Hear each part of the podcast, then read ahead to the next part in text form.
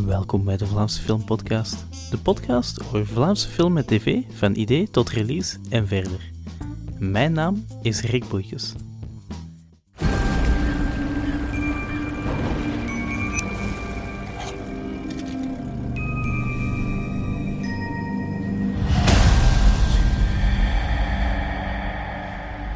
Lilith, heb jij je koffer al gepakt? Ik ga niet naar dat internaat. Koffer?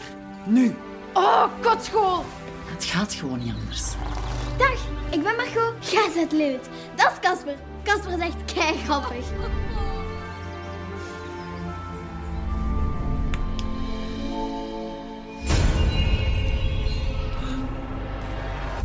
Over enkele dagen hebben wij een jobdag. Heeft iedereen zijn jobkeuze ingeleverd? Paranormale detectieve? Wie was dat? Spoken en monsters bestaan niet. Jawel, er zijn spookjagers. Nou, ik zal eens horen bij die schimmelbroeders. Spoken, klopgeesten en paranormale. U belt ons op en de gebroeders Grimm zoeken de rest. Denkt jij dat dat gaat werken? De gebroeders Schim is sinds vorige week in de zalen en ik sprak erover met de makers Andrew en Michael van Ostade. Ze vertellen onder andere over hoe hun samenwerking verliep, waarom er altijd een extra mopje bij kan, maar ook waarom actrice Tine Embrechts een zeer persoonlijke kant in haar personage zag. We praten ook over het einde, maar zonder al te veel spoilers. Ik spreek met eh, Michael en Andrew van Ostade, regisseurs van Die Broeders Schim. Eh, welkom. Hallo. Hallo, hallo, hallo. Om eh, te beginnen, de gebroeders Schim, eh, waar kwam het initieel idee vandaan? Als ik mij niet vergis, is dat ongeveer zeven jaar geleden dat jullie daarmee begonnen zijn? Of was dat al eerder? Eigenlijk is het idee veel ouder. Hè. Ik denk dat het idee echt gebron- we begonnen was in 2012, 2013. Eh, ja, Andrew kan daar meer over vertellen. Want eigenlijk is het een beetje. Er zijn begonnen twee ideeën die idee samen zijn gekomen. Hè? Ja. Ja, eh, we waren op de set van eh, een kortfilm van ons, eh, Songs from the Outside. En we waren met twee excentrieke production designers bezig, Wout en Hans. En ik zei, amai, hoe geweldig zou dat eens zijn ehm, om, om mensen die gelijk jullie zijn, dat die zo in een busje rondrijden en gelijk dat je eigenlijk in, in de straten hebt, hè, oud ijzer, koper, lood en zink, dat dat twee spokenjagers zijn die deur aan deur komen als loodgieters en, en de, de spoken komen opkuisen. Dat was denk ik zo een, een leuke brain fart dat zo een paar jaar is, is in ons hoofd blijven zitten. En dan denk ik op een bepaald moment zat ik met Michael op de trein. En dan begon Michael eigenlijk zijn deel van de pitch te geven van ja, maar wat als nu eens die spoken eh, allemaal unieke eh, zotte namen hebben en, en manieren hebben om ze aan te pakken, gelijk Pokémon, maar dan zo, hè, een klopgeest moet je met bokshandschoenen aanpakken, een hersenschim is een, is een soort van spook met een hamer dat u lastig valt, eh en uw kopzorgen bezorgt. En zo, denk ik, is die bal beginnen rollen. Eh, tot wat het vandaag is geworden. ja, en dat was eigenlijk. Wel, had ons dan gokken 2013 of zo. En toen ineens had het FAF een, een nieuwe katerne opgericht eh, voor jeugdfilm. En wij dachten toen van, oké, dit is onze kans. Hè? Dus eh, de kans om een langspeler te maken. En we hebben toen eh, dit concept... goh man, we hebben dat echt op een weekend in elkaar gebokst. Het was eigenlijk niet zo fantastisch, maar, maar de, de goesting zat er wel in. Ja. En, en dat hebben ze wel gemerkt ehm, eh, bij die oproep. En ja, dan, hebben wij, dan zijn wij beginnen schrijven. Hè? En, en nu zijn we zeven jaar later, staat de film er. Ja. Eh, ik, nog even ja, over het schrijven dan. Eh, Hm. in de quote van de film, een van de eerste dingen in de film, eh, je denkt te veel in clichés. Is dat ook iets waar dat jullie echt wel zeer hard mee bezig geweest? Van hoe, kan ik, hoe kunnen we iets anders doen met die clichés? We hebben er wel heel hard mee gespeeld, want ik weet dat er sommige mensen zullen zeggen, ja, maar jullie werken ook met clichés. Dat is ook omdat eh, sommige clichés, die, die zijn gewoon ook gewoon nodig om te kunnen griezelen. Maar er waren bepaalde zaken waar wij wel voelden van, kijk, dit kunnen wij nu echt ondersteboven gooien en het is nog steeds leuk. Hè, type voorbeeld is inderdaad het bezoekje aan de IKEA. Hè, wij waren gewoon aan het nadenken, oké, hoe- elke, elke spokenfilm opent zo in, in het grote spookhuis op het einde van de weg. En, en wij dachten gewoon, man, wat is een andere plek die ook heel huiselijk aanvoelt, maar heel modern en, en eigentijds? Oh ja, de Ikea. Why not? Hè, was er in een, een bezeten zetel eh, rond, rond, rondkrost en, en nachtwakers opeten in de Ikea.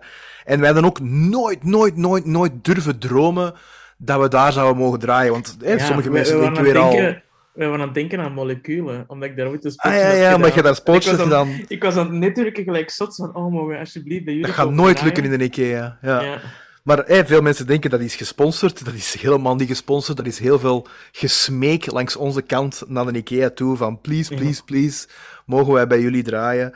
Uh, en, en ja, dat heeft wel gezorgd voor, voor een heel, heel aparte openingssequentie. Ja, wat voor veel mensen eigenlijk een van de favorieten is geworden van de film.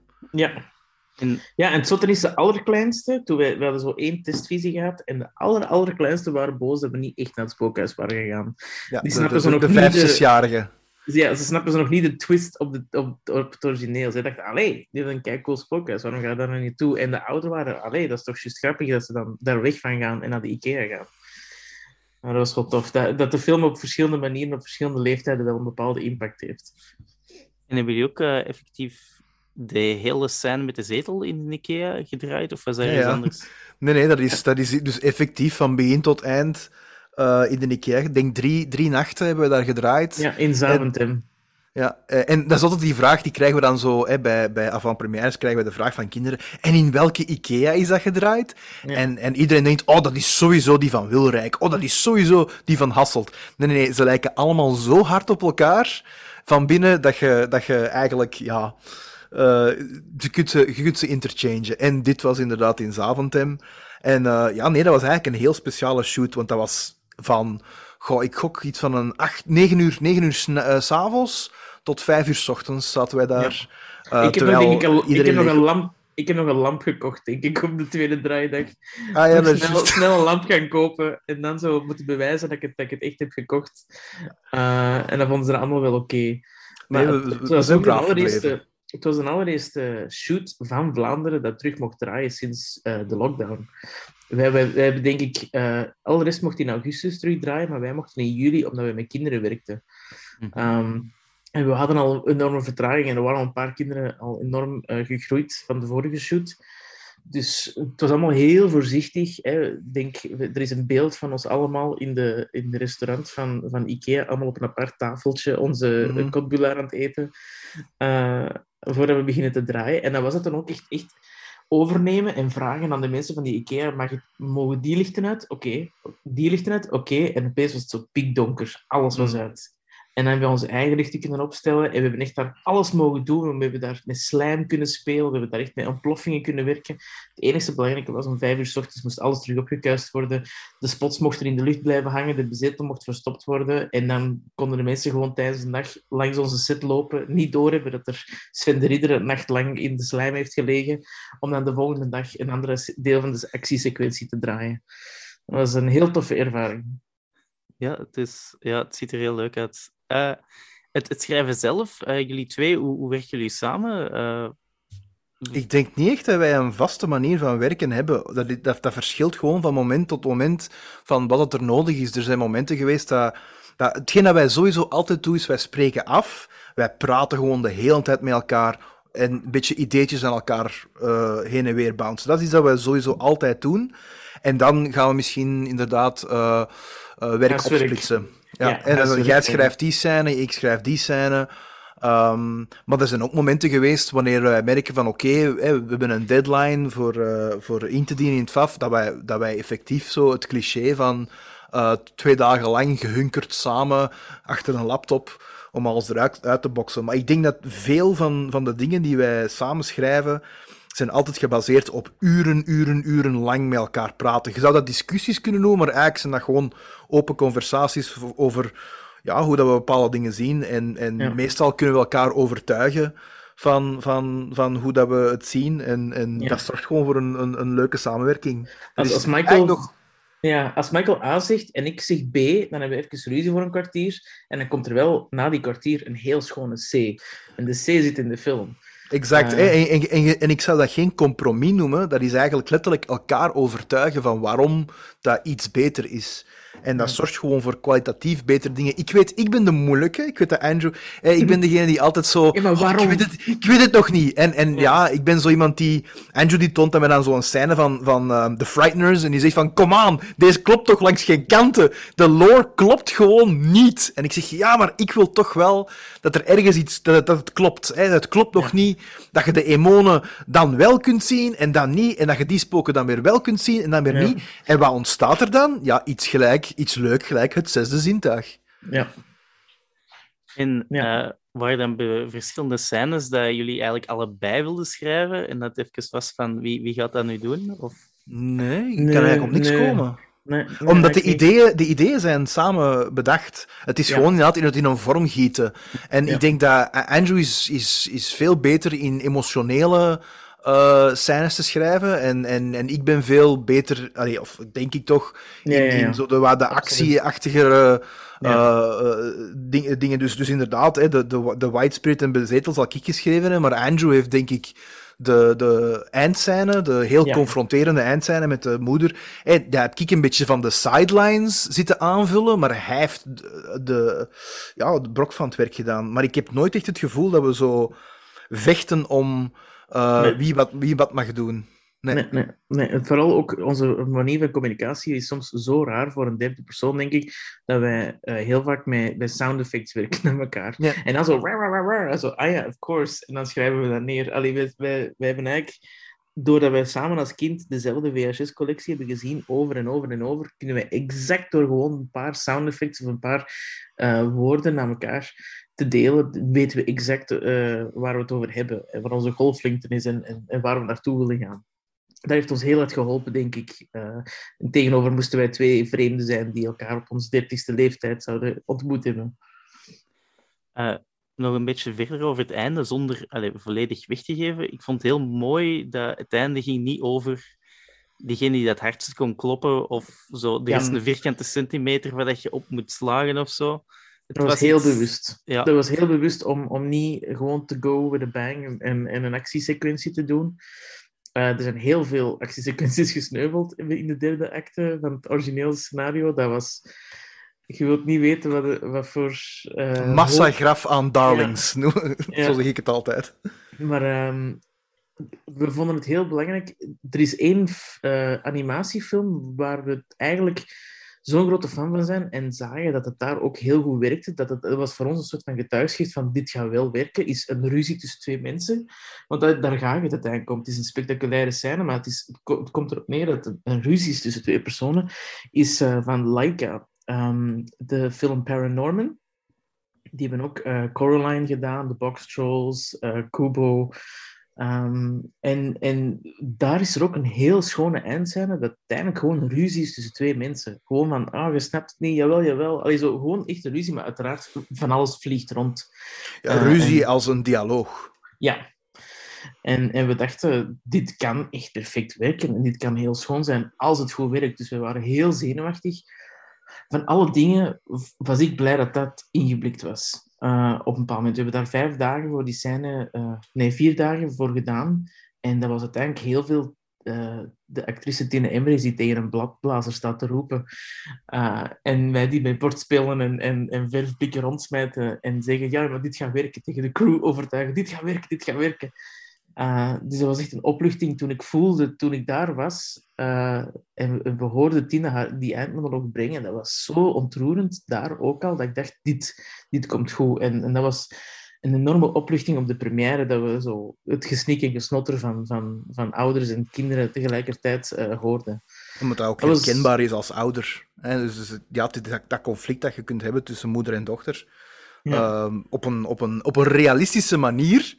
Wat een heel raar ding is om te zeggen in een spokenfilm. Maar, maar de discussie was echt. Ja. Ja, en het zotte was bij de casting van Tine, eh, waren wij eigenlijk eh, gebotst op, op de intenties van Tine zelf, die zelf wordt geconfronteerd ehm, met het verschil tussen haar, haar, haar eh, carrière en haar, en haar moederschap in de pers, in de roddelpers. Het wordt heel vaak eh lastiggevallen. Oh, kijk wat voor een slechte moeder dat ze is, want ze, ze, ze, ze gaat voor haar carrière en omgekeerd. Dus zij vond... Haar statement zat ook in die film, dus dat was een heel goede match. Ja, ik, ik had niet verwacht dat. Zo, eh, toen, eh, als als het personage van Merel, uh, Tin Emrits, als die wordt geïntroduceerd, lijkt het van, ah ja, dit is gewoon een manier om haar in, in, de, kostschool, in de kostschool, kostschool te krijgen. ja, ik was even uh, door zelf het woordspeling uh, gevallen. Uh, het lijkt gewoon een manier om, om Lilith daar te krijgen, maar de film is echt wel gebaseerd op die relatie tussen moeder en Ja. kind. En dat is heel moeilijk, want je hebt enkel maar het begin van de film en een beetje in het midden. En dat was voor ons een uitdaging om... eh, want we willen heel veel vertellen in deze, in deze film. De broers komen aan bod, de kinderen komen aan bod en ook de relatie tussen Lilith en Merel, ehm, eh, moeder en dochter. En je krijgt dat vooral in het begin mee en dan een beetje in het midden. Maar als je daar te weinig tijd in spendeert, dan is die eindscène totaal, heeft dat totaal geen zwaartekracht, heeft dat totaal geen impact. Dus dat was voor ons heel hard zoeken naar die juiste balans van dat te introduceren, dat, dat zaadje te planten en dan te zien. Eh, mijn droom was aan het einde van de film dat er kinderen eh, zouden discussiëren van wie had er nu eigenlijk gelijk, eh, Merel of, of Lilith. wie heeft er echt om boos te zijn? Het was altijd zo, ja, ze hebben alle twee een beetje gelijk, maar het is toch wel moeilijk. Dus dat was, dat was heel tof dat dat goed is gekomen. Maar dat is ook een ander aspect, nu ik erbij nadenk, dat, dat wij ook een beetje de, de wereld wouden uithelpen. En dat is het, het slechte imago of het griezelige van de kostschool. Want ik denk dat Lilith zelf ook van, ah, ik wil er absoluut niet naartoe gaan. Maar eigenlijk, eens dat ze daar is, is die doodgelukkig. En wij hebben dat eigenlijk gedaan. Allee, we hebben eh, ons, ons, ons script is nu natuurlijk een paar keer gepasseerd langs, eh, langs mensen die ons moesten helpen. En, eh, en een van de mensen die ons eh, hielp bij, de, bij het script, waar we iets mee hadden afgesproken, die zei van, ja, maar je gaat je kind toch niet aan een kostschool sturen, dan zet je een slechte ouder. Ja. En toen wisten wij onmiddellijk van, oei, er is hier echt een, een imagoprobleem voor, voor, voor kostscholen. En grappig genoeg, onze producer, Thomas Leijers, die, die eh, zijn dochter, die wou naar een kostschool. Want die zei gewoon, weet je, ik ben het hier thuis beu, ik Ja. wil mijzelf kunnen ontwikkelen, ik wil zelf mijn eigen eh, weg vinden, ik wil op kostschool. En, en dan hebben wij er ja, eigenlijk gewoon ons best gedaan om, te- om te tonen van, ja, die kostschool op zich, het is inderdaad het, het, eh, het feit dat eh, een moeder dochter moet achterlaten, ja, dat is moeilijk. Dat is, dat is iets dat moeilijk is. Maar het is niet dat het zo Matilda-gewijs Ja. een, een soort school is vol met gemene leerkrachten die u eh, ja, in Ja. de kast gooien of zo. Ook in de, in, de, in de danswereld of in de artistieke sector zijn er heel veel prachtige internaten, waardoor dat die kinderen de middelen hebben om na school ook hè, een danslocatie te hebben en, en meer tijd te spenderen in hun ambacht. Er is echt een heel schone wereld van internaten en heel veel mensen die we kennen die ook naar ons toe zijn gekomen te zeggen van merci om eens eindelijk niet de horror creepy aan internaten eraan te maken. Ja, er zijn slechte eh, leerkrachten, maar er zijn ook heel toffe leerkrachten. En soms domme leerkrachten die het goed bedoelen, maar slechte dingen zeggen. Dat heb, dat heb je even goed op een gewone school. Ja, exact. Ja, dat was super belangrijk voor ons dat het internaat niet een negative thing was. Voor Lilith is dat even een confrontatie, omdat zij worstelt met een bepaalde verlatingsangst. Maar wij hebben meteen heel veel proberen te dat hij meteen vrienden maakt, dat dat niet gaat over dat ze zich helemaal alleen voelt. Dus dat meer gaat over haar relatie met haar moeder. Niet per se dat zij een Einzelganger is die gepest wordt en, en, en met niemand klikt. Dat was super belangrijk. Deze podcast wordt mogelijk gemaakt door de steun van luisteraars zoals jij. Je kan een bijdrage doen voor de prijs van een kop koffie via buymeacoffee.com slash Vlaamse Filmpot, of je kan de podcast aanraden aan vrienden of delen via social media. We zijn Vlaamse Filmpodcast op Facebook en Instagram en Vlaamse Filmpot op Twitter. En nu terug naar het interview.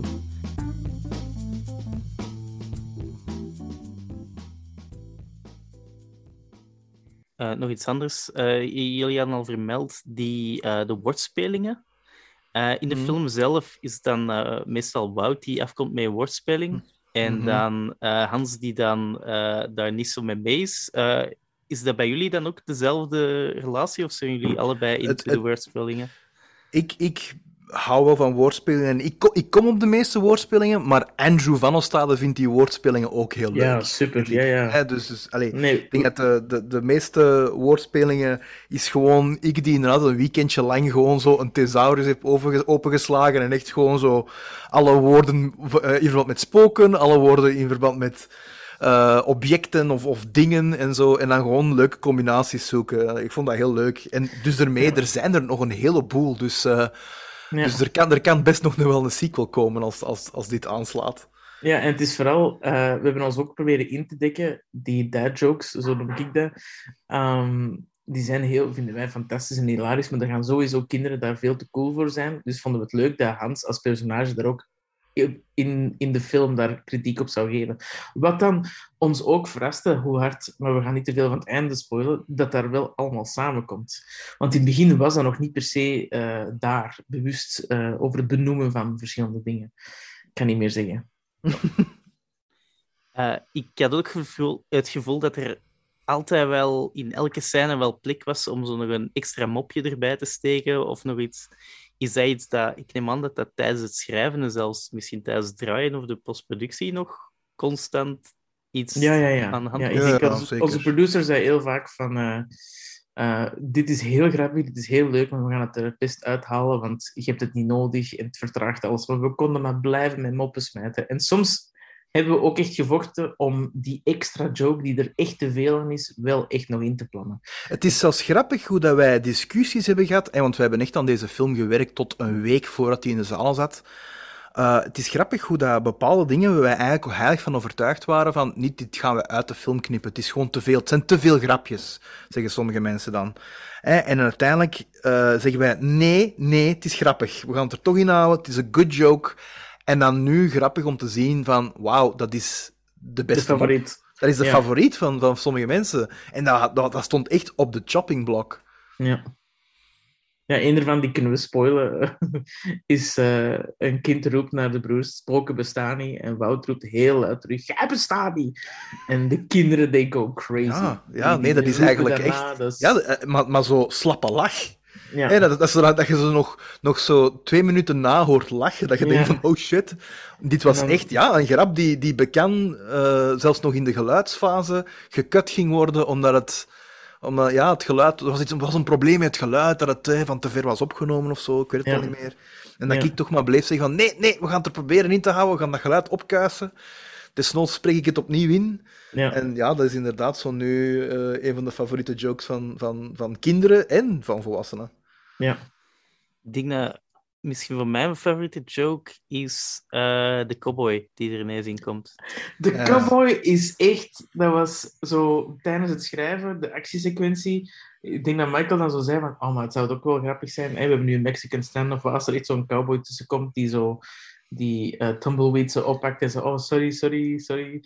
Ehm, en, en dat is heel grappig. En je typt dat en je zegt, oké, dat is nu ingediend naar het. Eh, we zullen het wel oplossen als, als we het echt gaan draaien, want dat gaat toch niet gebeuren. En opeens blijft die joke erin. En wordt dat echt tijdens een breakdown besproken van, oké, we hebben een acteur nodig, we hebben een kostuum nodig, en we moeten daar een, een We hebben een steppenroller nodig. Eh, Ja, we gaan dat allemaal prepareren. En we staan er allemaal een beetje zo, zo embarrassed van. We hebben dit echt, echt als een leuke mop bedacht, maar gaan we er hier echt nu wel voor gaan? Eh, deze level of, of, of meta-humor eh, er even insmijten. En we zijn zo blij dat we dat hebben gedaan. Want ik weet nog dat de muzikanten eh, die die scène aan het, aan eh, componeren waren, die, die hadden eerst spannende actiemuziek gemaakt. En ik zei, nee, nee, nee. Het is heel belangrijk voordat de cowboy in beeld komt, dat je echt moet aangeklaagd worden door heel de Morricone-familie. Ga echt full-on... Sergio Leone has to spin in his grave. Het moet echt zo western gaan, dat niet Ik, anders kan. ja, ik, ik, kan die, ik kan die WhatsApp-berichtjes gewoon bovenhalen. Hoe dat Andrew zegt van, ja, het is, het is in de goede richting, maar inderdaad, ik wil dat, dat Sergio Leone eh, uit zijn graf komt om te Ja. zeggen van, jongens, jullie stelen mijn werk. Je moet ik de zand voelen tussen je benen. Je Ja. moet echt... eh, En Ja, uiteindelijk je is het moet ook Clint Eastwood door knarse tanden, eh, alles erop en eraan. En dat maakt hem op fantastisch. Hè? Dat is echt een, een, een mop die je niet ziet aankomen. En eh, dat is toch in hindsight heel blij dat we toch mensen hebben overtuigd. Dit is eh, wel leuk. we gaan dit allemaal plannen en budgetteren. En wel ja, ik denk dat dat een van de leukere fases is. Eh, bij, gewoon ook aspecten van bij het schrijven is dat ja, sommige mensen denken vaak van oh my, zou het niet cool als... En dan, oh nee, dat gaat toch nooit lukken, Vlaams budget, dit, dat, zus, zo. Nee, nee, we gaan er niet aan beginnen. Maar wij hebben, bij het schrijfproces was er eigenlijk alles kon. Alles kon. Er, er waren, allez, zoals Andrew zei, de eindscène was veel spectaculairder. Uh, met, met, met, uh, Urine everywhere. Uh, ja, eh, dat, dat was inderdaad, toen was het idee dat Jimmy, het jongetje dat last had van, van, van in zijn broek te doen, dat die eigenlijk zo'n soort van grote em, uitbarsting zou krijgen en dat alle kinderen in heel de school in hun broek zouden doen. Inclusief en, leerkrachten. En, inclusief leerkrachten, inderdaad. En dat de urine van de muren zou druipen en zo. Dat was al in de oorspronkelijke Echt versie. Een, een shining parodie. En dat snappen wij dan wel, hè, als de producer zegt van jongens, dat gaat nu net niet lukken, maar we kunnen nu wel de cowboy geven. En dan, dan weet je toch van, oké, okay, goed dat die, dat die kleine mopjes er, er nu nog altijd in zitten, want je zou altijd denken, oh, dat gaat te veel gedoe worden. Hè? Voor, die, voor die vijf seconden dat dan een cowboy in beeld komt, een acteur fixen en al die toestanden. Ja. En dat is toch wel fijn dat dat eigenlijk uh, allemaal ja, overeind is gebleven. Mm -hmm. de, de directrice als uh, de, de mogelijke beroepen is aan het opnoemen, dan zit daar volgens mij ook cowboy bij. Is dat dan ja. al een voorbereiding? Ja, ja op dat is een voorbereiding. Ja. Het, is, het was, uh, ik denk, uh, de eerste non-fictie, allee, niet kloppende job is toerist. Uh, en dan komt, denk ik, inderdaad astronaut en cowboy en cowboy. Dat was inderdaad, dat was eigenlijk gebaseerd op een, op een gesprek bij de VDAB. waarbij um, oh, dat is just, ik kwam, ik kwam juist van school en, en ik moest naar zo'n workshop gaan waar ik op mijn ene hand ik moest mijn hand tekenen op een bord voor iedereen. En dan uh, moest ik daar realistische jobs... Nee, moest ik daar mijn, mijn droomjobs opschrijven. En dan op de andere hand moest ik uh, realistische jobs schrijven. En dan moest ik eruit leren, ah, eigenlijk zijn dat twee verschillende dingen. En ik was zo in shock van, van dit is niet hoe ik ga leren van op, op een, een, job te vinden. Dat ik nee. toch wel heb verwerkt in de film, denk ik zo. Het is zelfs grappig genoeg, die scène was exact zo. Wij hadden die exact zo neergeschreven. Het, hetgeen dat had meegemaakt in de VDAB, zo hebben wij het verwerkt in het verhaal. Maar jammer genoeg was het toen full-on COVID-uitbraak. En Jules Vrijdag was al ja, in de latere leeftijd, dus we moesten het contact tussen de kinderen en tussen de rest uh, zo, zo, zo weinig mogelijk maken. Dus vroegen ze aan ons om die scène te herschrijven. Ja. Er, uh, en toen hebben wij het idee bedacht met die, uh, met die papiertjes, hè, dat de kinderen zelf moeten opschrijven wat dat ze later willen worden. Maar eerst was die scène Lilith die naar het bord toe moet gaan, haar hand moet tekenen, Ja. en dan eigenlijk geen Angel letterlijk had meegemaakt. Ja, ja, dus ja, ja. het klopt altijd wel. Dat fiction. uh, ja, exactly. Uh, nu over uh, de cast. Uh, jullie hebben Eva Luna als Lilith. Hoe, hoe zijn jullie bij haar terechtgekomen? Via een casting. Um, blijkbaar speelde zij in Five Easy Pieces en heb ik haar al eens zien spelen van Milo Rauw, maar heb ik haar niet herinnerd. Sorry, Eva Luna. Of misschien was zij een andere cast. Maar zij is gewoon komen opdagen en um, voor het personage Lilith hadden wij heel veel schrik. Tussen aanhalingstekens, dat zij een Alice in Wonderland figuur zou zijn. En wat bedoelen we daarmee, met alle respect naar Lewis Carroll, is dat Alice in Wonderland is een beetje een saai figuur en al de rest rondom Alice is heel boeiend en, en, en spectaculair. Maar Alice zelf heeft niet veel karaktertrekken. En dat is de schrik die je kunt hebben met een personage als Lilith. Um, en was ook dat ze gewoon alles ondergaat. Ja. En het knappe aan Eva Luna was Um, die moest eigenlijk die dag een paar zinnetjes doen, maar het was vooral tegenspel uh, geven aan, aan de casting van de personages Margot en Casper. En alhoewel zij maar twee zinnetjes had, bleef zij op beeld heel interessant zijn door te reageren, met haar ogen rond te kijken, spullen op te pakken. Ze, ze, ze entertainde haar eigen door gewoon heel die ruimte te activeren, bij wijze van spreken. En dat was, dat was meteen voor ons een soort van match van dit kan heel interessant zijn om, om, om als, als hoofdpersonage te hebben. Het uh, was echt een heel goede auditie. Uh, in uh, ook uh, Tine Embrechts als Merel. jullie hadden er al iets over verteld, maar hadden jullie, hoe zijn jullie bij haar terechtgekomen? Um, eigenlijk een beetje. Zij is vooral gekend om haar comedy, eigenlijk. En, vooral. en ja, ik ben inderdaad zo'n beetje van de school van. Eh, Punch Drunk Love is Adam Sandler zijn beste werk, punt. En, en het idee ook gewoon, wat ook meer en meer komt, is dat comedians of, of komieken of, of grappige mensen ook heel goed emotionele, mensen, eh, emotionele rollen kunnen spelen. En wij, wij, we wouden ook niet dat, dat Merel als, als, als personage ook maar zo'n saaie moeder zou zijn die... die, ehm, die, die- ja, voilà, die gewoon... Ik, mijn job, mijn job, mijn job. En dan gewoon... eh, oh nee, een ploetermoeder. Dat was het woord dat wij hadden. Ja. En we wouden niet dat ze een ploetermoeder was. Van, hè, ze is alleenstaand. eh, ze moet alleen voor haar kind zorgen. Het lukt niet om haar carrière te doen. Dus wouden wij ook wel dat die ook, ja, om het zo stom te zeggen, grappig was. En leuk. En dat er ook echt, echt... ehm, dat je ook voelt dat, dat, dat, dat, dat er tussen Lilith en Merel een band is. Hè? Dat niet zo van het begin van de film, dat zo ineens van, oh, ik haat u mama, oh, oh jij bent zo'n ambetant kind en, en ik kan mijn Ja. dromen niet waarmaken. Dat, dat, we wouden niet dat dat van stap 1 was. En dan kwam het idee gewoon, oké, schrijf, schrijf wat namen op van, van acteurs eh, die we kunnen contacteren. En, en ja, Tine Embrecht zat daartussen. En, en, en toen kwam er inderdaad een, een telefoontje terug van, ja, ze zit het wel zitten. En toen waren wij ook direct van, amai, oké, Tine Embrecht, interesting, cool, alright. Ja. We, we spreken af. En dan, zoals Andrew zei, dat hij gewoon zelf met dat probleem zit. En dan denkt hij, oké, perfect, perfect casting gewoon. Ja. Wat ook met alle kinderen ook zo is. Hè. De, alle kinderen zijn gewoon gecast omdat ze de, de, de rollen ook echt waren. Ja, ja. Nilou is was, Margot. Is is Margot. Jimmy, ja. Dus Ja. ja. ja. Absoluut. Ik vond het ook interessant, op, allee, niet te veel over het einde. Je wordt geïntroduceerd in die eh, kostschool met dan de, de roommates. En dan lijken die, heel, die lijken heel stereotyp. Maar dan is dat Mhm. stereotype is eigenlijk echt wel volledig een deel van het verhaal, eigenlijk. Mhm, Ja. mhm. Exact. En d- deels speelden we ook met het idee van in elke kinderfilm heb je altijd, als er drie kinderen zijn, is er maar één meisje en twee jongens. Ehm, en nu was het dus leuk om eens één jongen en twee meisjes te hebben en ook hun eh, typetjes en hun archetypes ook een beetje door elkaar te schudden. Dat was, dat was het idee. Eh, en ook nog een, eh, een personage dat ik wil, wil spotlighten. Eh, de eerste scène van Lilith, die een hond.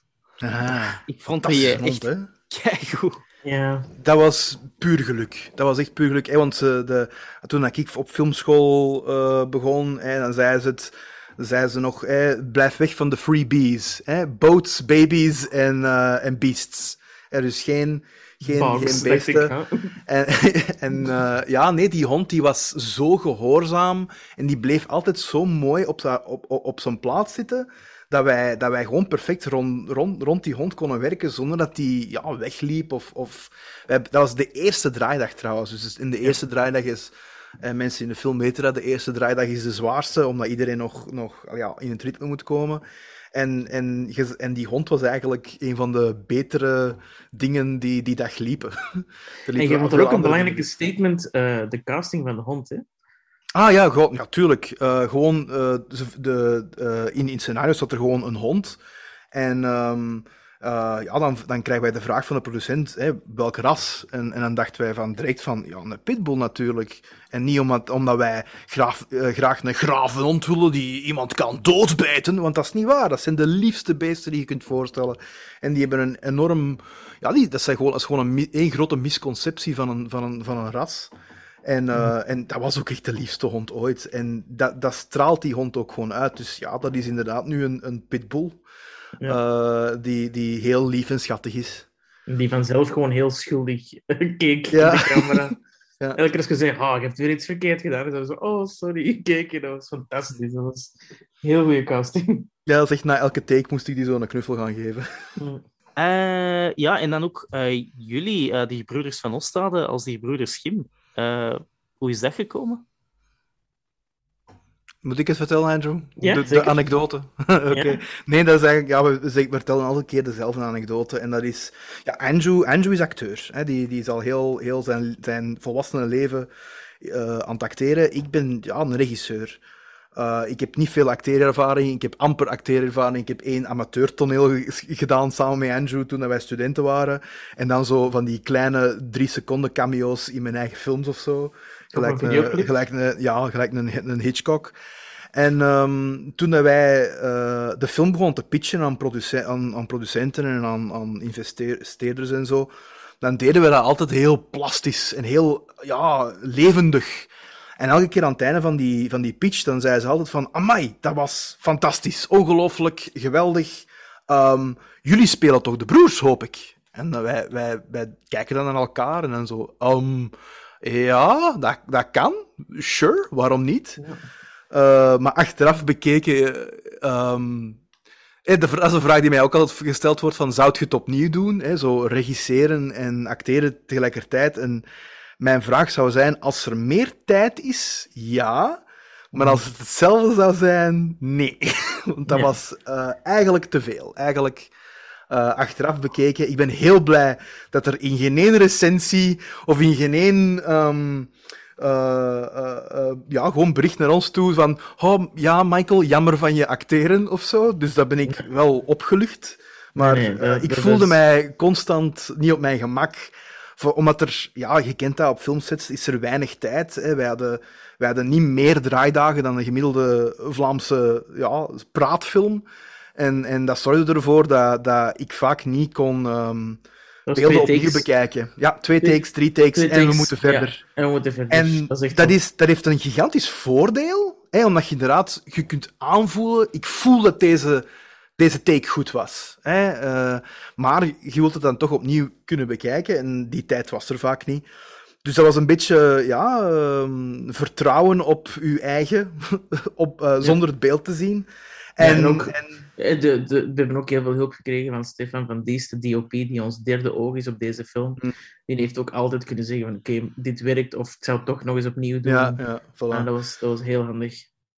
Ja, maar, maar inderdaad, moest ik het ooit opnieuw willen doen, graag. Want ik vind acteren leuk, ik vind regisseren leuk, maar als ze allebei gecombineerd worden, dan is dat vaak dan is dat heel moeilijk om tussen de twee dingen te switchen als je geen overgangstijd hebt. Mhm. En de twee dingen tegelijk gaat niet, eigenlijk niet, dus er moet tijd zijn voor, om van de ene naar de andere rol te, te switchen. Ja. Ja, eh, ook nog over dan eh, jullie samenwerking in de regie zelf. In de film, denk ik, wat krijgen jullie aparte credits als acteursregie Oh, en filmregie. Ja, ehm, eh, ik ben altijd eh, regisseur geweest, maar Andrew zijn rol, gewoon ook omdat hij het geschreven heeft, meegeschreven heeft en ermee in speelt en zo, is veel groter dan alleen dat. En we hebben dan ook beslist dat de dagen dat we, dat we speelden, dat, dat Andrew ook gewoon mee mag de, de acteurs regisseren. Dat, is, dat is- dat is iets dat ik altijd heel grappig vind als ik andere filmmakers bezig hoor. Dat is precies zo van eh, acteurs regisseren is het enige dat hun job inhoudt. Wat dat dus absoluut niet het geval is. Ehm, zeker voor een film zoals dit, waar dat er heel veel eh, ja, eh, meetings zijn voor, voor de special effects en voor de muziek en voor de, de camerabewegingen. Ik heb, ik heb met de DOP Stefan hebben wij quasi heel de film staan storyboarden, eh, lange, lange nachten in. En, en dat zijn de dingen waar ik ervaring in heb, gewoon. En daar hebben wij gewoon ervoor gekozen van, kijk, Andrew is, doet mee acteursregie. En ik zal mij over al de rest eh eh, mee bezighouden. En laten we het gewoon houden op een film van de gebroeders Van Ostade. Wat natuurlijk heel snel leidt tot... ehm, ja, hier zijn de twee regisseurs. Hè, want Ja. als je het over een rollenverdeling hebt, maar de, we hebben liever gewoon... weet je, Het is eigenlijk een beetje zoals de Coen Brothers. Hè, het is, het is, ze regisseren nooit allebei. En toch is het altijd een Coen Brother film. Dus we, we spelen een beetje met die, met die eh, ja, net zoals Andrew zei, hè, Stefan van Diest, die staat er als director of photography. Maar die heeft zoveel meer gedaan. eh, we hebben die zoveel film. lastig gevallen met ons WhatsApp. Exactly. En, en dan biedt dat een beetje te vervagen van, van wie Ja. wat heeft gedaan en zo. En, en als we het inderdaad klassiek zouden bekijken, is hè, ik ben de regisseur van de film. Andrew heeft eh, heel veel dingen ook mee eh, eh, van op afstand kunnen volgen. Maar Creatieve bemoeien al. Ja, hè, maar op de set zelf heeft hij alle acteursregie meegedaan. En dan was dan altijd even nadenken van hoe gaan we dat in de, in de aftiteling doen. En kijk, we hebben hier nu voor zo voor gekozen, maar ik denk in naar de toekomst toe denk ik dat Andrew wel meer vertrouwen heeft om ook mm, te moeien over de, bijvoorbeeld de de- decoupage van de film Ja. En die dingen. Hè. En dan zouden we wel echt werken naar eh, gel- ja, even gelijke eh, regisseursduo te zijn eigenlijk. Ehm, Maar, maar eh, voor deze film was dat nogal moeilijk, omdat het, het opstarten zo lang heeft geduurd, hè, die zeven, jaar. jaar. Waarbij dat ik inderdaad misschien meer in andere meetings zat en dat Angela misschien nog andere acteursjobs had die hij nog moest afmaken en zo. Maar puntje bij paaltje, het blijft een, broe- fil- een film van de gebroeders van Ostade. Ja.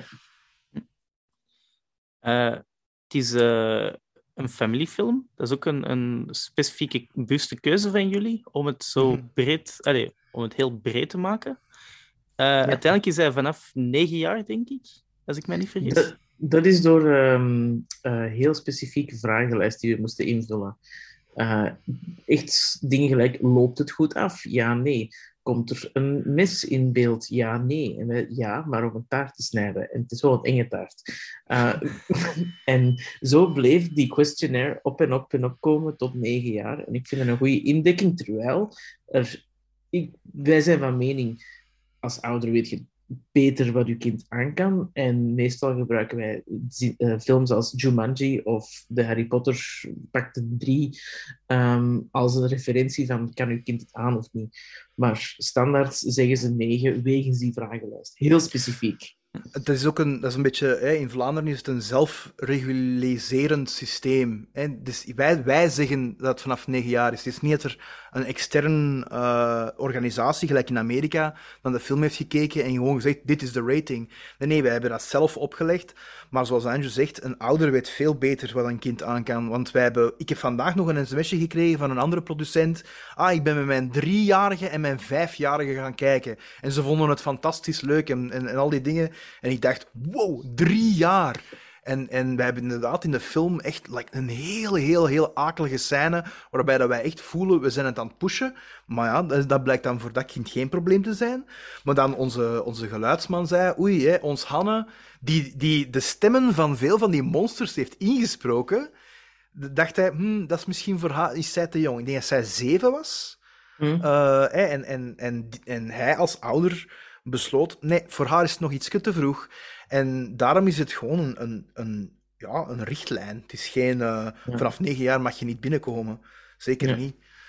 Eh, het is zoals Andrew zegt, als je al die dingen begint op te tellen, dan kom je zo piep, poep, piep, auto-generate, negen jaar, en dan zo Ja. een, een spinnetje. Ja, ja. Het waren denk ik zo die vragen, like, loopt het goed af? Eh, wordt er gegild van panische angst? Ja, heeft een personage angst? Punt. Zo, zoiets gelijk dat. Ja, ja? ja, dus, maar ja, je kunt even goed scènes in, in een Studio 100 film hebben waar iemand gewoon gillend wegloopt. Eh, voor dommere redenen. Ja. En buiten die vragenlijst af, hebben jullie dan ook eh, bewust aan eh, gezien van wat steken we erin, wat kunnen we erin steken, wat kunnen we niet insteken? Je had al gezegd in een bepaalde scène dat dat op het randje was. En we- Dat ja, was heel onze bewust. insteek was altijd het concept First Fright. En dat zijn films die wij uit onze jeugd kennen, gelijk Gremlins en Ghostbusters en, en The The Witches. Poltergeist, Witches. Het zijn allemaal films die, die eh, bijblijven, ook gewoon omwille van dat ze een moment hebben waar, waarbij dat je als kind getraumatiseerd bijna wordt. En ik denk, eh, veel ouders die getraumatiseerd waren door bijvoorbeeld E.T., die eh, stervende lag. Of ik was getraumatiseerd door E.T. als die naar Ma- Maisveld, daar zo ineens een jumpscare. Echt, dat heeft mij... Ik heb daar allee, weken nachtmerries van gehad. En, en toch zie ik dat als een positief, like, leuk element uit mijn jeugd. En niet zoiets waar ik een trauma of zo heb aan overgehouden. En wij vonden het wel belangrijk dat we die, dat we die grenzen ook eh, zochten. Dat was, dat was het leukste, denk ik, eh, is met de mensen na de film praten, wat was jouw trauma van vroeger. Eh, en voor mij was bijvoorbeeld bij Gremlins, eh, is er een, een oud bommatje die mij heel, voor heel veel katten zorgt. En die, die wordt vermoord door de Gremlins. En ik weet nog dat ik heel emotioneel was over, och arme, wie gaat die katten nog voeden? En dat heeft mij heel lang bijgebleven.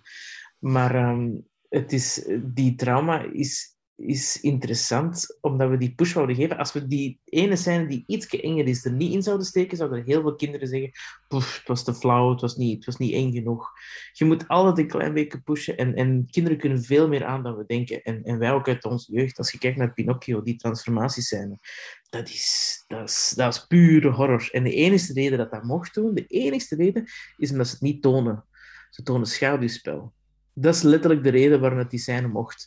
Uh, een groen licht kreeg van, van wie, wie dat er ook naar keek, uh, die daar moest over kiezen. Puur omdat het een, een, een, een schaduwspel was. Dus dat, heeft zo'n zotte regels. Um, wij vonden het belangrijk om toch één scène te hebben dat net dat ietsje verder ging.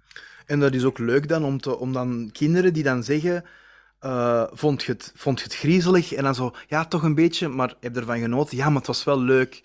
Dus dat, die, dat die twee dingen ook mooi samengaan. Want als wij nu als volwassenen gaan kijken naar goh, ja, de, de nieuwste slasher, eh, Halloween kills, of weet ik veel, dan is dat elke keer als er een jumpscare gebeurt, dan eh, iedereen schrikt keihard. Maar dat wordt altijd gevolgd door, door, door gelach of geglimlach. Of, of, die twee emoties zitten zo dicht bij elkaar. Dat is ook een van de hoofdredenen waarom dat wij humor ook zo belangrijk vonden voor deze film. Want dat zorgt er ook voor dat die balans van die echte griezelmomenten... Mm -hmm. Want met momenten, wij waren tot op, tot op in de...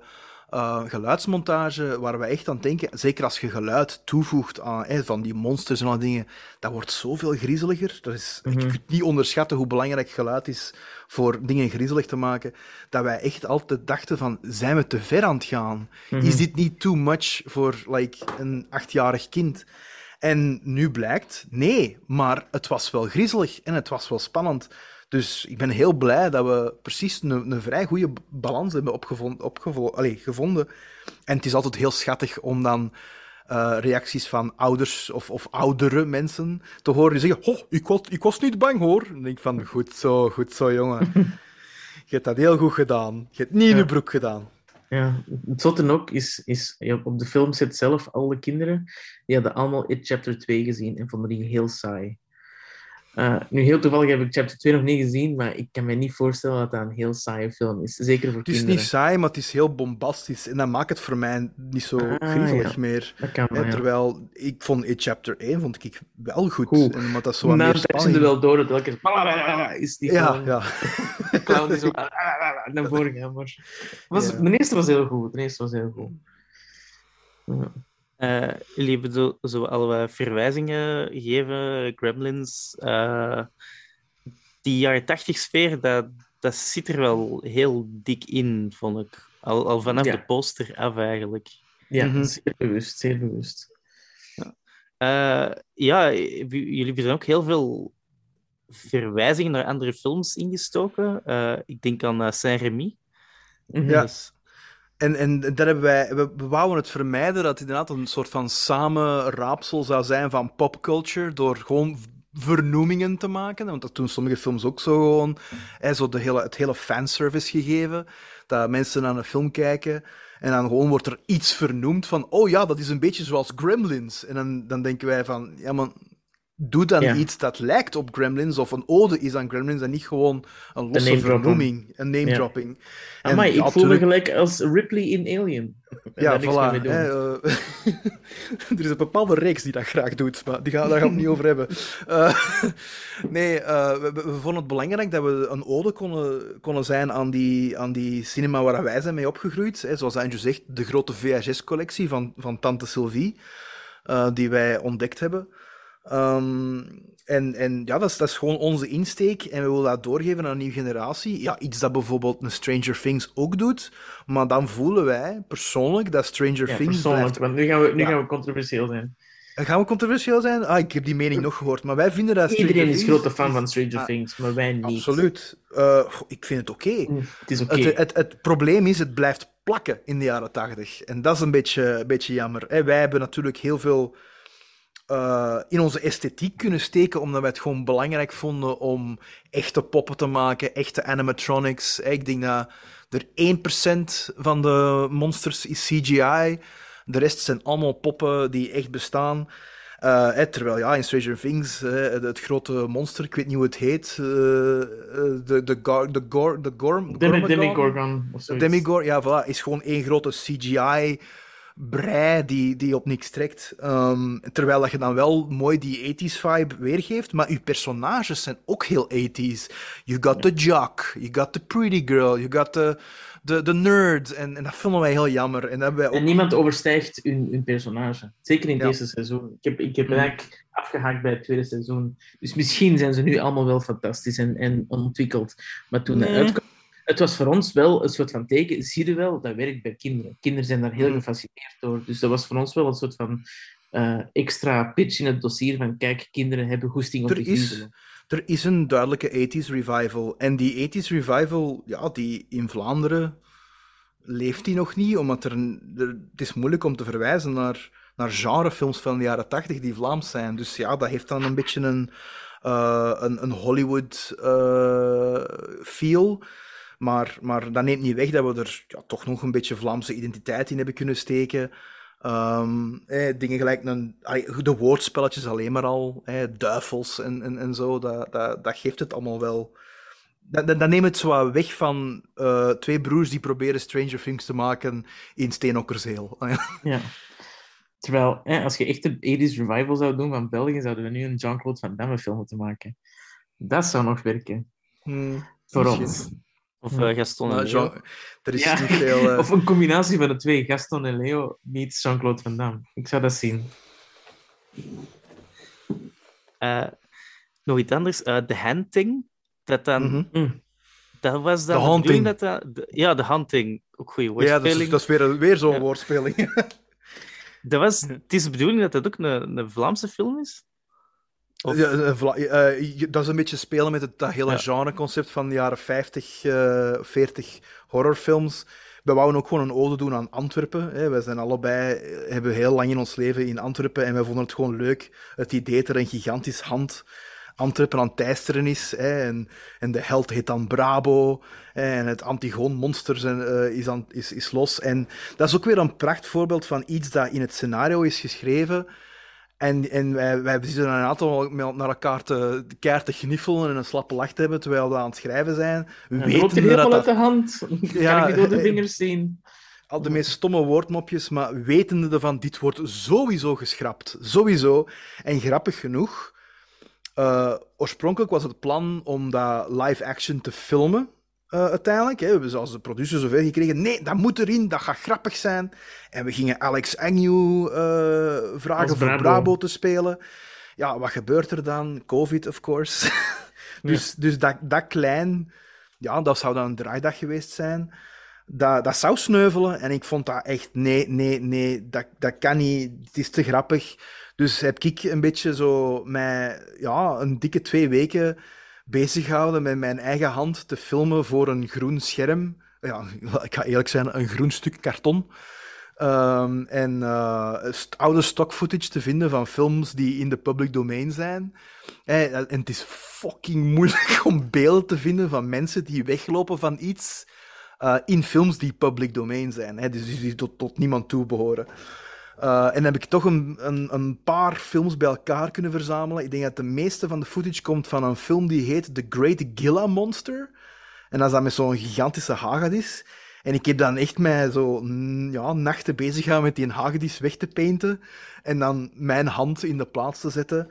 En dat is gewoon een leuke ode aan het idee dat die twee broers ook zo graag naar oude horrorfilms kijken. Of oude ja, griezelfilms. Eh, en dat ze dan de fouten gaan noteren. Hè, want zij weten het Hmm. beter. Eh, ja, dat, dat is eigenlijk echt nog een leuk gegeven geworden. En ik ben blij dat het nog in de film zit. Ja, dat het niet gesneuveld is. En wie was de acteur in de film? Eh, geen flauw idee. Ah, nee. is een onbekende acteur van een... een allee, ja, ik, ik doe alle stemmetjes. Ook weer al zoiets raar. Je, je, je, je neemt temptracks op, hè, want je weet dan, oké, en dan gaat die stem vervangen worden door iemand anders, door een stemacteur of iets. En, en dan, ja, puntje bij paaltje, komt er bij de geluidsmixer terecht en die zegt van, oh nee, ik vind die stemmetjes leuk, dat blijft allemaal staan. Ik zeg, oh, Ja. oké. Ja, dus ik Ja. zit daar zo, Het is ook, brabo. Mike, Michael zijn stem komt ook in de opening credits. eh, Ah ja, ik ben degene Eh, die zo... En dan, eh, eh, mijn- Ja. ja, mijn, mijn, mijn Brabo is letterlijk gewoon Alex Agnew impersonation. Zo, Ja. dat kan ik niet door de vingers zien.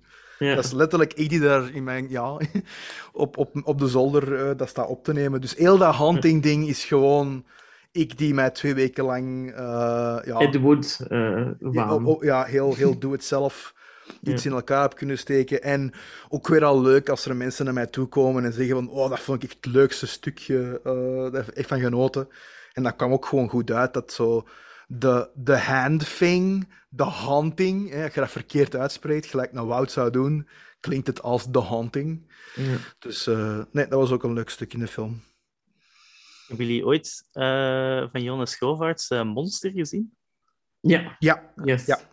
En we hebben zelfs nog dingen gezien. ehm, eh, Super eh, 8. ja, Su- Super 8. Dat is letterlijk de videotheek waar wij als kind naartoe gingen. Is daar Ja. gedraaid. Die Ja. reeks, Marlin's video. Eh, ja, nee, we hebben, die, ja, we, we, we, hebben een, een vrij, vrij... Ik ben nu, ik ben nu voor Jonas eh, dingen in elkaar aan het steken voor, eh, voor iets dat hij gaat doen voor een filmfestival binnenkort in de Roma of zo. Ik moet, daar, moet ik aan denken, want ik moet die, die shots nog doorsturen naar hem. Hm. Goed dat, goed dat je het zegt. Shit. Jonas, sorry, ik ben ermee bezig. Ehm, de, ja, de effecten, jullie al eens gezegd dat er eh, heel veel eh, practical effects in zaten. Ik vond het ook wel cool dat jullie in de credits ook effectief shots van de making-of steken. Ja, dat, dat heel is, mooi. eh, We hadden dat is zoveel schrik dat mensen geweest. de. Ja, we hadden heel veel schrik dat mensen de zaal zouden verlaten met te denken dat die poppen CGI zijn. Want soms hebben de mensen van VFX daar zo goed mee willen omgaan dat je bekende pop niet meer herkent. En wij wouden echt die pop echt naar, vo naar voren brengen. Dus die en Michael heel snel in de laatste week ehm, die making-of heeft willen in de credits steken. Eh, en we zijn daar heel dankbaar voor, want je ziet die mensen wel allemaal kijken. Oh, dat waren echte poppen, dat waren echte poppen. Ja, Eh, ook gewoon een beetje leuk om te zien. Eh, ja, nee, dat is eigenlijk. eh, ehm, wij, wij tonen graag de, de wereld achter, achter de magie. Eh, dat, is, dat, is, dat is een van de redenen waarom wij zoveel houden van, van pretparken gelijk Disney of Efteling. Waarbij dat je, eh, je, je gaat op de, op de, de, de dark ride. En, en je wordt eh, onderdompeld in, in ja, fantastische sfeerbrenging en, en, en, en ensenering. Maar je ziet ook de mechaniek die erachter zit. En, en, en ik had dat als kind heel hard. Dat, dat ik, ik kon extra hard genieten van die dingen, omdat ik daar allemaal radartjes en, en veertjes achter zag werken. Dat maakte het voor mij juist cooler en magischer. Niet het idee van, oh, het is toch nep. En ja, dan wilt je zo in de, in de endcredits van je film waar je zeven jaar aan hebt gewerkt, wilt je zo kunnen tonen van, kijk, kijk, dat, dat hebben wij zo gedaan. En oh, kijk, dat is een echte pop. En ehm, ja, wij vonden dat belangrijk om dat mee te geven aan de mensen die, die uit de zaal aan het wandelen zijn. Ja, het, het kwam zo echt over van, eh, dat jullie heel trots zijn op wat dat jullie echt gemaakt hebben. Oh, absoluut. Dat zijn we budget dat we hebben gekregen, eh, hebben we denk ik met een fantastische crew en een fantastische team, hebben we echt er fantastische dingen uit kunnen halen. We zijn heel fier Ja, op de film. laten we, laten we duidelijk zijn, en, en dat mag geweten worden, dit is echt met een budget gemaakt dat kleiner is dan de gemiddelde Vlaamse film, voor alle duidelijkheid. Hè, de, de- wij, wij hebben de John Williams-achtige score en de poppen en de monsters. En, allee, ik wil niet stoeverig overkomen, van, van, eh, er zit wel een trots in, van, van kijk, ik, ik, ik kan naar een andere Vlaamse film zijn gaan kijken waar er twee mensen met elkaar praten aan tafel, voor 2 miljoen, dat voor 2 miljoen is gemaakt. En, en dan, dan vraag ik me af, wa- was, was, was, was de, de ham op, eh, op die boterham op tafel een half miljoen of zo? Ik, ik, I don't get it. Mhm. En, en ja, dan zitten wij hier inderdaad met, met monsters en bezetels en white spirits en... Een heel Ja. huis te schilderen ook. Ja. Eh, die nachtmerriesequentie. We hebben echt een bepaalde scène, echt gewoon... Hebben de production designers een nachtje doorgedaan met die scènes om te vormen naar een soort van zwart-witte, zot Ruimte. geschilderde ruimte. Dat was echt heel knap. Wat ze allemaal hebben Mhm. kunnen doen met zo'n klein budget. Dat is, dat is echt ongelooflijk. Dat zal waarschijnlijk een paar keer vloeken zijn geweest, maar het, het resultaat mag er zijn. Ja, dat is zeker zo. Dat was voor, voor ons heel eng bij de première. Is eh, al het harde werk van de crew ook eh, kunnen tonen van zie, hier hebben jullie hard voor moeten werken en, en, eh, en zwoegen. Hiervoor hebben jullie een, een eh, cowboy moeten kostumeren. Eh, bij wijze van spreken. Om, om een heel specifiek effect eruit te halen, eh Mhm. hebt die een, eh, die een hamer in Mon. Mhm. Eh, ik, dat, dat kwam mij ergens bekend voor en uiteindelijk dacht ik van eh, in, in Star Wars, in de, in de Min- Millennium Falcon, hadden zo een schaakbord. Ah, ja, ja, ja, Het ja. idee dat dat zo wat... Ik dacht eigenlijk dat dat misschien zelfs, dat die van jullie, dat misschien zelfs eh, stop-motion was. Of de manier Ah. waarop dat die zich voortbewoog. Was zo Ja, wat... kijk hoe dat je dat dacht, maar het was geen stop-motion. Ja, dat eh, zei ik dan in de credits. eh, eh, Eh, maar, maar, maar- Ja. ja. nee. De, de- ja, maar, maar, maar, of zelfs ja, qua design, dat het er misschien op lijkt, maar dat is gewoon, ja, ik en Andrew, wij zijn gewoon twee grote sponsen en we hebben gewoon zoveel dingen geabsorbeerd door in onze jeugd, dat we, dat we u bijna niet zouden kunnen zeggen. Hoe vaak het er mensen naar mij toe zijn gewandeld en gezegd van, goh, dat stukje, dat is toch een verwijzing naar, naar die film uit mijn jeugd, hè? Dat ik dan gewoon zeg, ja, maar dat heb jij keigoed gezien. Terwijl dat misschien totaal niet waar is. Maar de grote kans dat ik en Andrew die film wel hebben gezien en dat dat gewoon onbewust in onze, ja, in onze hersenen is terechtgekomen. Ja. Ja, het, is, het is geen rechtstreekse referentie in ieder geval. Voor ons was het vooral eigenlijk.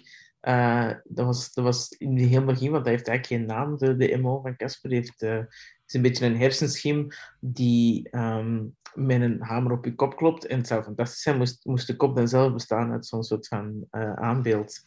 Eh, maar nu dat ik erover nadenk, inderdaad, die stop-motion schaakzet, daar zou die Emon fantastisch tussen Ja, kunnen ja, staan. ze zou, ze zou inderdaad perfect passen in het rijtje. Ja. En het, zoals dat sommige mensen, eh, de, de emoon van Lilith, oh, dat is, dat, is, dat is toch een verwijzing naar Alien. En dan is dat voor ons zo radartjes die beginnen te draaien en dan denken, ah ja, dat, ja ik zie het nu ook wel, maar Ja. zeker niet bewust.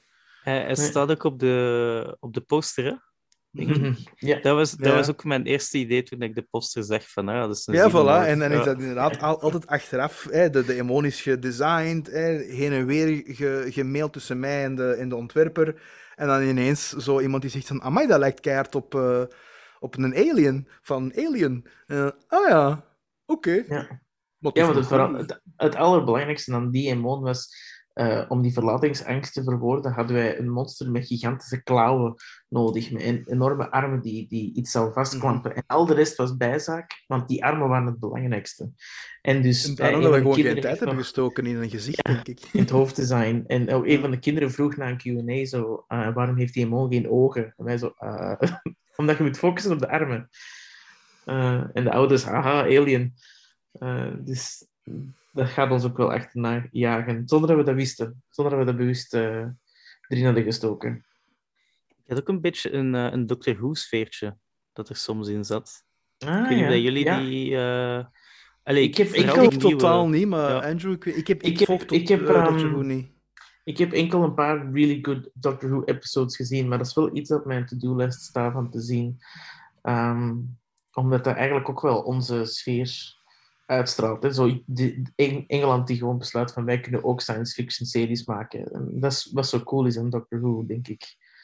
Is die passie voor, voor dat extreme te gaan, voor dat, dat Ja, ook- tijdreizen. En, Ook waarschijnlijk ook wel wat, allee, zeker als je naar de oude reeks kijkt, ook zo'n beetje een DIY ja, eh, aanpak. Eh, ja. Het was specifiek bij dan een shot waar dat dan iemand zijn lijf komt er dan een scheur uit en dan komt er iets Mhm. uit. En dat is iets dat ik wel eens een keer in, in zo de, de nieuwere versie van Doctor Who gezien heb. Ah. Ah ja, voilà. ja de- zeker, zeker niet bewust. en Zeker, Ja. Ik heb het niet Nee. gezien, maar het is natuurlijk niet... Allee, ja, wij gaan inderdaad nu niet zeggen, wij hebben het idee van een rift die open gaat uitgevonden. Dus, dus Nee. ja, dat zou wel... Zoals in het begin was het zelfs echt een, een rits. Ja, vroeger was het echt een, een geanimeerde rits die open ging. Gewoon om te tonen het monster dat in u leeft. Ehm, en dan heeft, hebben de VFX-mensen gezegd: Ja, maar we gaan niet echt een rits animeren, dat gaan we toch niet doen? En wij zo: Oh nee, maar dat zou toch cool zijn? En dan back and forth, back and forth. En uiteindelijk is dat een heel coole eh, rift geworden. Eh, misschien hebben zij naar Doctor Who gekeken. Ja, ja, wie weet. Dat kan wel. Ja. eh, nog, nog iets klein op de aftiteling. Eh, bedankt aan Robert Heijvaart. Heeft hij Ah, ja. een beetje Jezus. meegewerkt? Eh, Ja, ja, Andrew, vertel maar. Ja, Want Andrew heeft ermee, samen met eh Zillion, eh, Ja. zijn ze nu aan het opnemen. Andrew speelt daarin, en dus hij heeft heel veel met Robrecht eh, nog kunnen napraten. Ja, ehm, Robert Heijvaart ging de originele DOP zijn van deze film. En dat was ongelooflijk. Ik weet nog die meetings die we dan hadden, dat is dan pak jou eerst vijf, zes jaar geleden of langer. Hm. Nee, zes, vijf jaar geleden. Ehm, en hij had dan het Vijf, scenario... zes jaar geleden. Goh, ja, zeven is... dat- goh, ik weet niet zo goed. I Doesn't don't remember. matter. Doesn't Doesn't matter. matter. Ehm, maar dan, hij kwam met zoveel input en kwam met zoveel ideeën. En dat was, dat was echt een heel schone match. En dan zei hij, oei, maar er is eh, nog een film van Robin Prompt die hij gaat draaien. Ehm, wat dan Zillion ging worden. Maar toen ging hem daar al draaien. Want Robin is ook al heel lang bezig met Zillion. En hij zei, ja, ik moet toegeven, mijn, ik, moet, ik moet daar natuurlijk voor hem zijn. Omdat zij al vanaf begin af aan de eerste kortfilm samen hebben staan maken. En we hadden er alle respect voor. En we hoopten dan dat het toch iets zou kunnen zijn qua scheduling. Oh, misschien kunnen we toch beide doen. En dan kwam Pats eruit. En dan ging hem naar Amerika en ging hem Bad Boys for Life doen. En de rest is history. Dus op dat vlak eh, zijn we heel content dat we dan eh, DOP Stefan van Diest hebben ontdekt. Waar we echt een, een, een like-minded soul hebben ontdekt. Die, die weet wat wij willen vertellen. Die volgt wat wij willen vertellen. Die ook de monteur is van de film. En eh, dat was een heel schone match. Maar dus op de première komt dan Robert Heijvaart ehm, de film zien, 20 minuten te laat, eh, omdat hij nog van de set van Zillion komt. Uh, maar hij vond het heel belangrijk om de film te komen zien. En op de avond zelf hebben we even een kleine interactie. En hij zei, oh, ik vond het heel goed. Maar dan komen wij thuis en ontvangt Michael en ik zo'n grote, lange mail waar hij in, in, met volle liefde praat over hoe de, hoe goed de film is geworden. Uh, en dat was, dat was voor ons zo ontroerend dat hem daar zo blij over was. Uh, dat hem daar toch tevreden over is, hoe het is afgelopen. Dat hem dat toch wel belangrijk vond, omdat hij daar ooit deel van uitmaakte. Um, ik denk dat dat, ook vooral, dat, dat dat ook vooral is het feit dat hij, hij heeft... Hij was, we hebben echt drie, vier keer uh, een hele dag met, die, met, met, met, met, met hem afgesproken om, om te praten over alles. Niet alleen gewoon de ja. cameravoering. Hij is iemand die tegen ons heeft gezegd van elk, elk emoon, elk monstertje moet zo zijn eigen unieke look hebben. Want dat was ja. eerst niet. Eerst hadden wij gewoon voor de spoken, waren die allemaal uniek. Maar gingen wij voor de emonen gewoon voor een soort van gemeenschappelijke... Ze lijken allemaal op elkaar-achtig. Ja. En hij heeft zo gezegd nee, ze moeten, ze, moeten, ja, ze moeten allemaal een unieke look hebben. En ja, ook gewoon uh, als je die man hoort praten over, over, uh, uh, over Joe Dante, hè, de regisseur van Gremlins, en dezelfde liefde dat hij heeft voor dit soort films, ja. dan ja, dat was inderdaad een hele goede match. Ja. En dat is niet doorgegaan. En ik durf nu zeggen dat Stefan het net e het even goed, misschien zelfs beter heeft gedaan dan, dan, dan Robrecht. Dat hoort, ja. Stefan! Dat hoort! Je kunt ook naar Hollywood. Ja, ja, want dat is dan zot. Hè? Dan kom ik hem langs nog eens tegen, uh, Robrecht. En dan heeft hij echt nog iets gezegd van uh, kudos naar Stefan. Um, en hij is nu om, hij is terug vertrokken om Miss Marvel af te maken.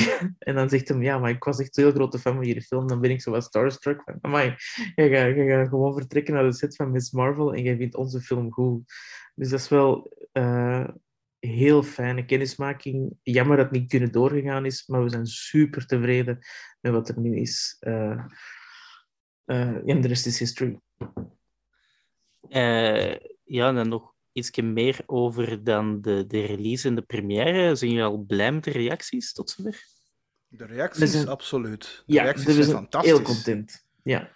Dus, nee, we hebben tekeningen ontvangen van kinderen die die zelf hun eigen uh, emonen en, en, en de slechte spoken bedenken. Ik denk uh, een oogtopus hebben we uh, ontvangen. Wat een gigantische oog is met tentakels en opgepast. Als ze me zien, dan, dan, dan verblindt hem u. dat vonden we geweldig.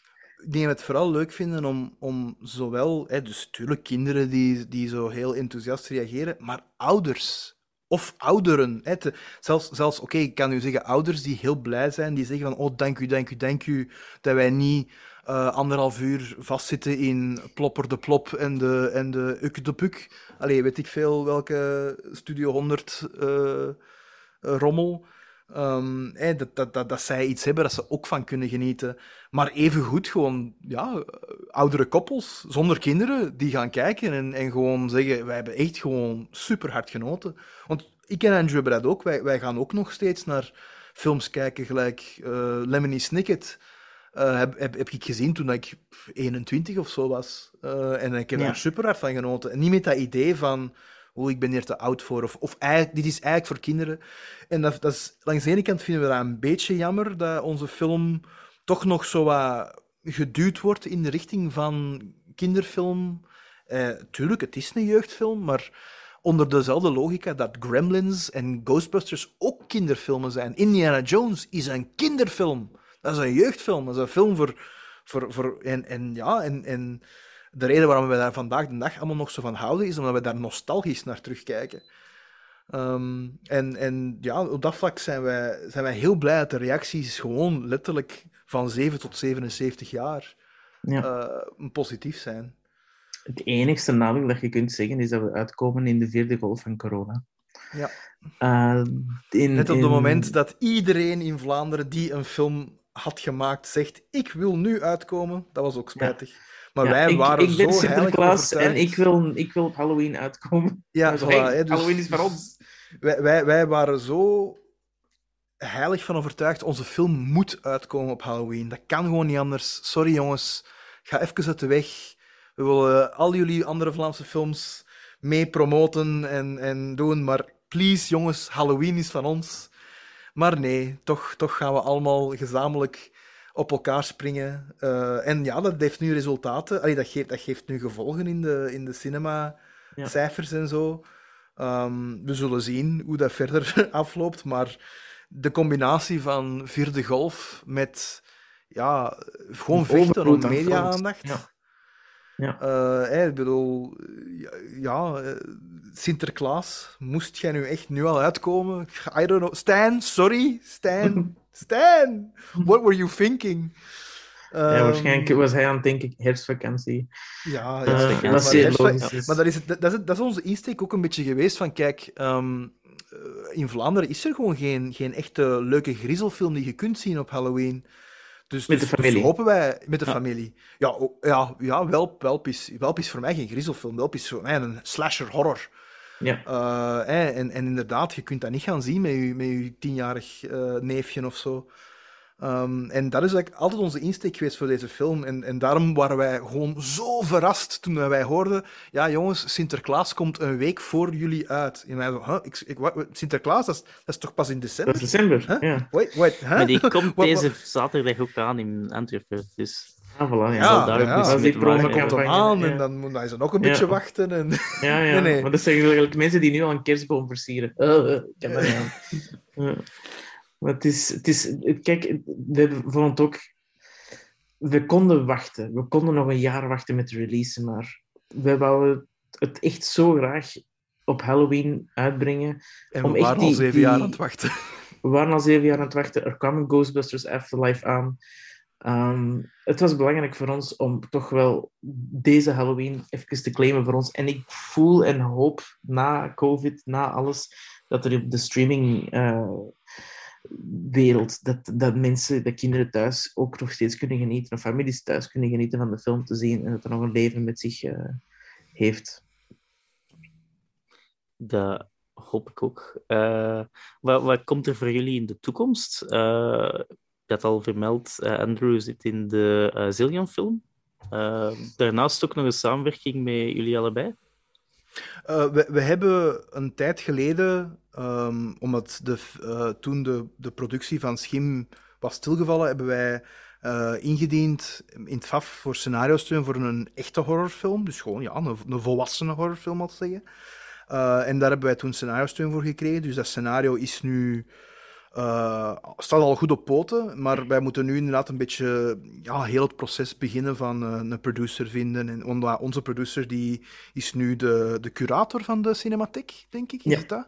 Hè, dus, dus die is een beetje aan het uitbollen. Dus eh, die, niet dat die terug zeven jaar met ons on the road. Dus we zijn zo, we moeten die film gaan beginnen rondshoppen eigenlijk.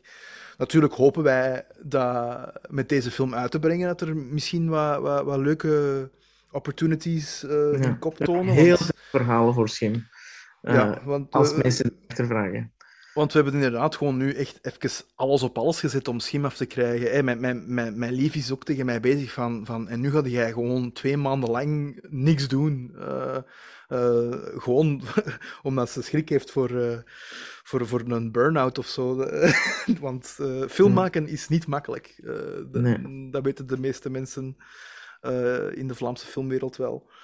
Ehm, maar die horrorfilm, dat is het eigenlijk het enige dat wij, dat wij dat echt in de, in de pipeline zit eigenlijk. Eh, ja, denk dat is een beetje in, in een korte pitch. ehm, is het, eh, gaat het over een, een band die een plaat gaat opnemen in een cabin in the woods. En ze worden een beetje geconfronteerd met hun eigen onzekerheden en eigenlijk alles dat er kan mislopen bij een creatieproces. Dat heel kort gepitcht, want ik kijk stiekem ook naar de Zoom-meeting time die nog overblijft. Oh, wauw, Ah, oké. maar ehm, dat, is, dat is waar we nu eh, onze tijd in gaan steken eh, als volgende project. In een eh, Schim 2, eh zouden jullie willen? Heel graag. Heel, heel graag. Ja. Maar dat het hangt van... Ja, dat hangt een beetje af van hoe het gaat. En, Ja. en ik weet nog toen dat de distributie aan ons een eerste sms'je stuurde, van zeiden ze, desondanks is het wel goed aan het gaan.